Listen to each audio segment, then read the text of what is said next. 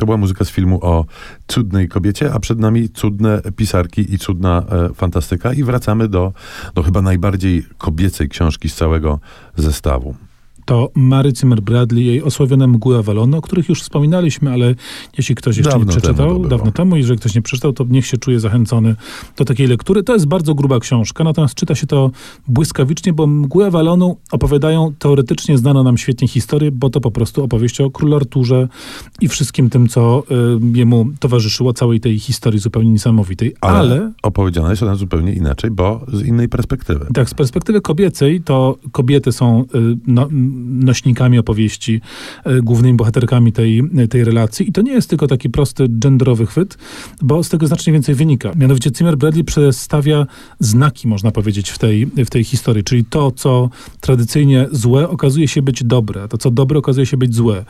Kibicujemy, czytając tę powieść, nie chrześcijaństwu, nie królowi Arturowi, i tym wszystkim zakutym w zbroję mężczyznom, tylko kobietom, które bronią tradycyjnej religii, które bronią tego, co celtyckie, przeciwko naleciałościom zewnętrznym i rzeczywiście są nosicielkami takiej najprawdziwszej, czystej magii. To jest świetna literatura i muszę powiedzieć, że na przykład scena z objawieniem się Grala, nie znam lepszego opisu, nawet w tych klasycznych tekstach, Gral rzeczywiście opisany jest nieprawdopodobnie i cudownie. To pisarka, która y, niejedną powieść i głównie fantastyczne ma na swoim koncie, ale Mgłę Walonu to naprawdę jest wielka, wielka literatura.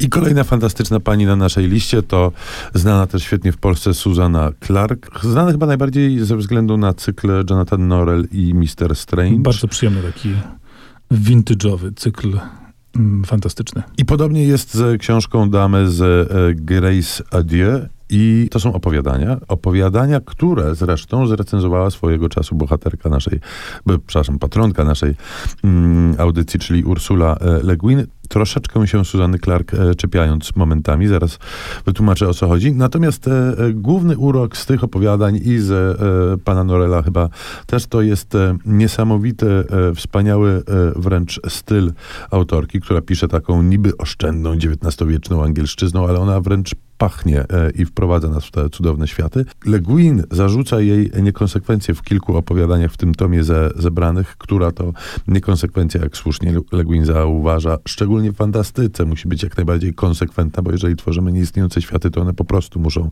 stać na nogach, które dla nich e, wymyśleliśmy. Nawet Natomiast, jeśli są te nogi trzy. Nawet jeżeli są te nogi trzy. Natomiast e, przyznaję, że urok e, pisarstwa Clark jest tak wielki, że koniec końców m, takie drobne niekonsekwencje można jej wybaczyć. No i taka anglosacka się nam ta lista zrobiła, ale na koniec akcent wyraźnie polski, bo i my też nie mamy czego się wstydzić. Na polskim podwórku kobiety piszą fantastykę. I jest dużo piszących kobiet. Dużo Mieliśmy piszących, pewien kłopot coraz z więcej. tej jednej. Muszę powiedzieć, że nie miałem. Dla mnie królowa jest jedna, jest nią Anna Brzezińska.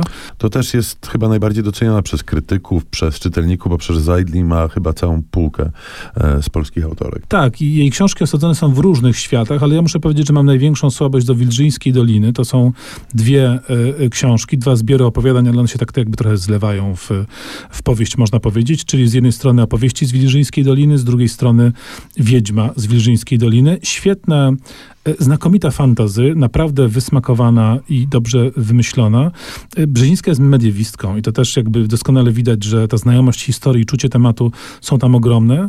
Jest to też literatura e, znakomicie psychologicznie poprowadzona i znowu bardzo kobieca w taki nieoczywisty, inspirujący, często przygnębiający sposób, a główna bohaterka, ta babcia Jagódka jest zupełnie niesamowita, bo ona może być zarówno taką typową babą Jagą z chatynki, jak i przepiękną czarodziejką i ta jej E, dwuznaczność, e, dwupostaciowość przekłada się też na jej charakter. Znakomita postać, choć chyba bym się bał taką spotkać.